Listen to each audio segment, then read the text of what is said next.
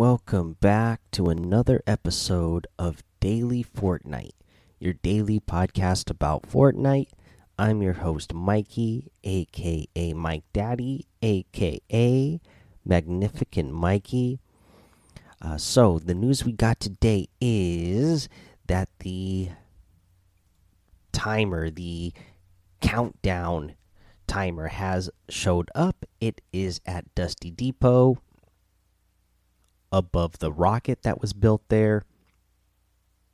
Again, this is looking like it's going to happen on Sunday, October 13th at 2 p.m. Eastern, uh, based on what we have here with the uh, with the little countdown that we have going on.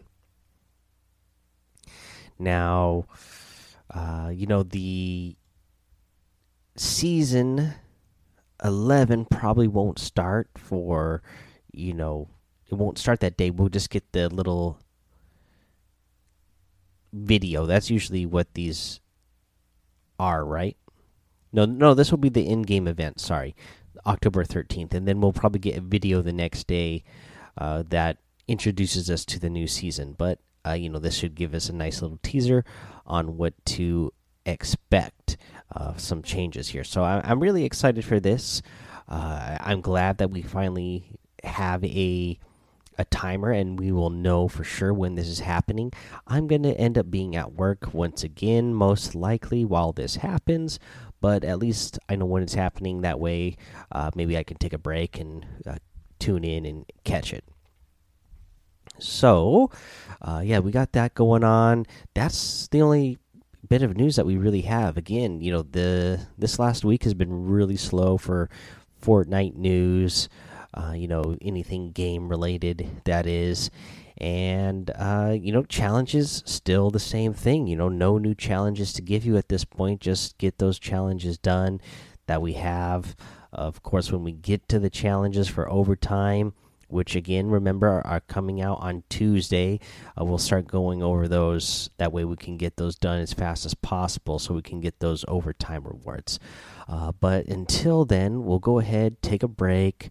Uh, then we'll come back. We will go over the item shop and a tip of the day. All right, let's go over the new item shop today, which has another new outfit that looks good. This is the Ruby outfit. Sometimes you gotta shine. Also comes with the red alert back bling. Let them know what's up. So I really like this. Uh, she's got on this like uh, red camo hoodie, showing some midriff there. But she's got on some cool red track pants, leggings with the white stripes on the side. Looks like she's got some shotgun shells and a grenade there, or some sort of maybe the stink bomb uh, there on her leg as well. Love the red hat. Love the way that they did her hairstyle here. This is a really good looking outfit uh, for 1200 V bucks. Uh, this is definitely one of those uh, higher end ones for sure. Really, I really like this one a lot let's see here. Also, you know, part of this uh, street stripe set, you get the stripe slicer harvesting tool. Line them up, and this uh, sky stripe glider, signature stripe glider. Now, also, you get the whiteout outfit, one of my favorites from back in the day. The Overtaker outfit as well the White Squall glider, and the Cyclone glider. You have the signature shuffle emote, the bouncer emote, the ranger outfit, the paper plane glider, the pathfinder outfit, and the work it emote. So a lot of really good stuff in the item shop today. Again, you can get that Batman pack and the P1000 challenge pack in the store section as well. So uh, you know, any of those items or those packs, you can use my creator code Mike Daddy M M M I K E D A D D Y, and I'll appreciate it because it will help support the show. Now, let's go ahead and get into our tip of the day, and uh, I found this one uh, on YouTube. Uh, it's Jarian I believe was who I saw talking about it. Uh, he got it from someone else, but I really like this one.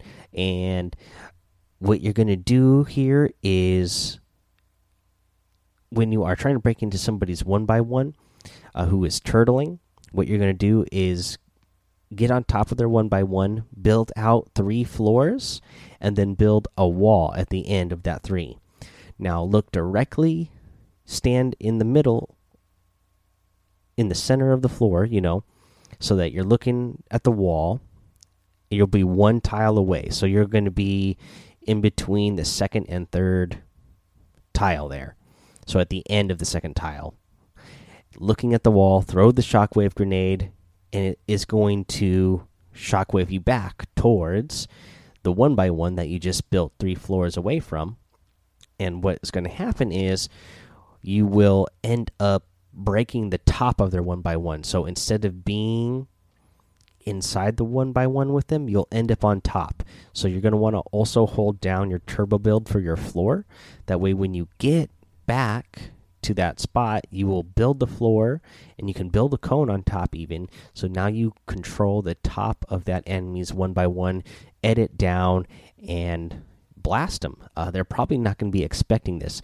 A lot of times, you know, when people use that shockwave grenade, they're either using that shockwave grenade to get inside of the person's one by one or to get away. So they're going to hear it. They're going to see that you didn't get into their box. They're also going to see well, so they're going to see that you didn't end up inside their box. So they're probably going to think that you shock waved away. Instead, actually, you are now on top of them. So they will be unsuspecting of that. So, really good one there that I like. That is your tip, guys. That is the episode. Head over to the Daily Fortnite Discord. Hang out with us over there. Follow me over on Twitch and YouTube. Mike Daddy on both of those places. Head over to Apple Podcasts, leave a five star rating and written review for a shout out on the show. Subscribe so you don't miss an episode. And until next time, have fun, be safe, and don't get lost in the storm.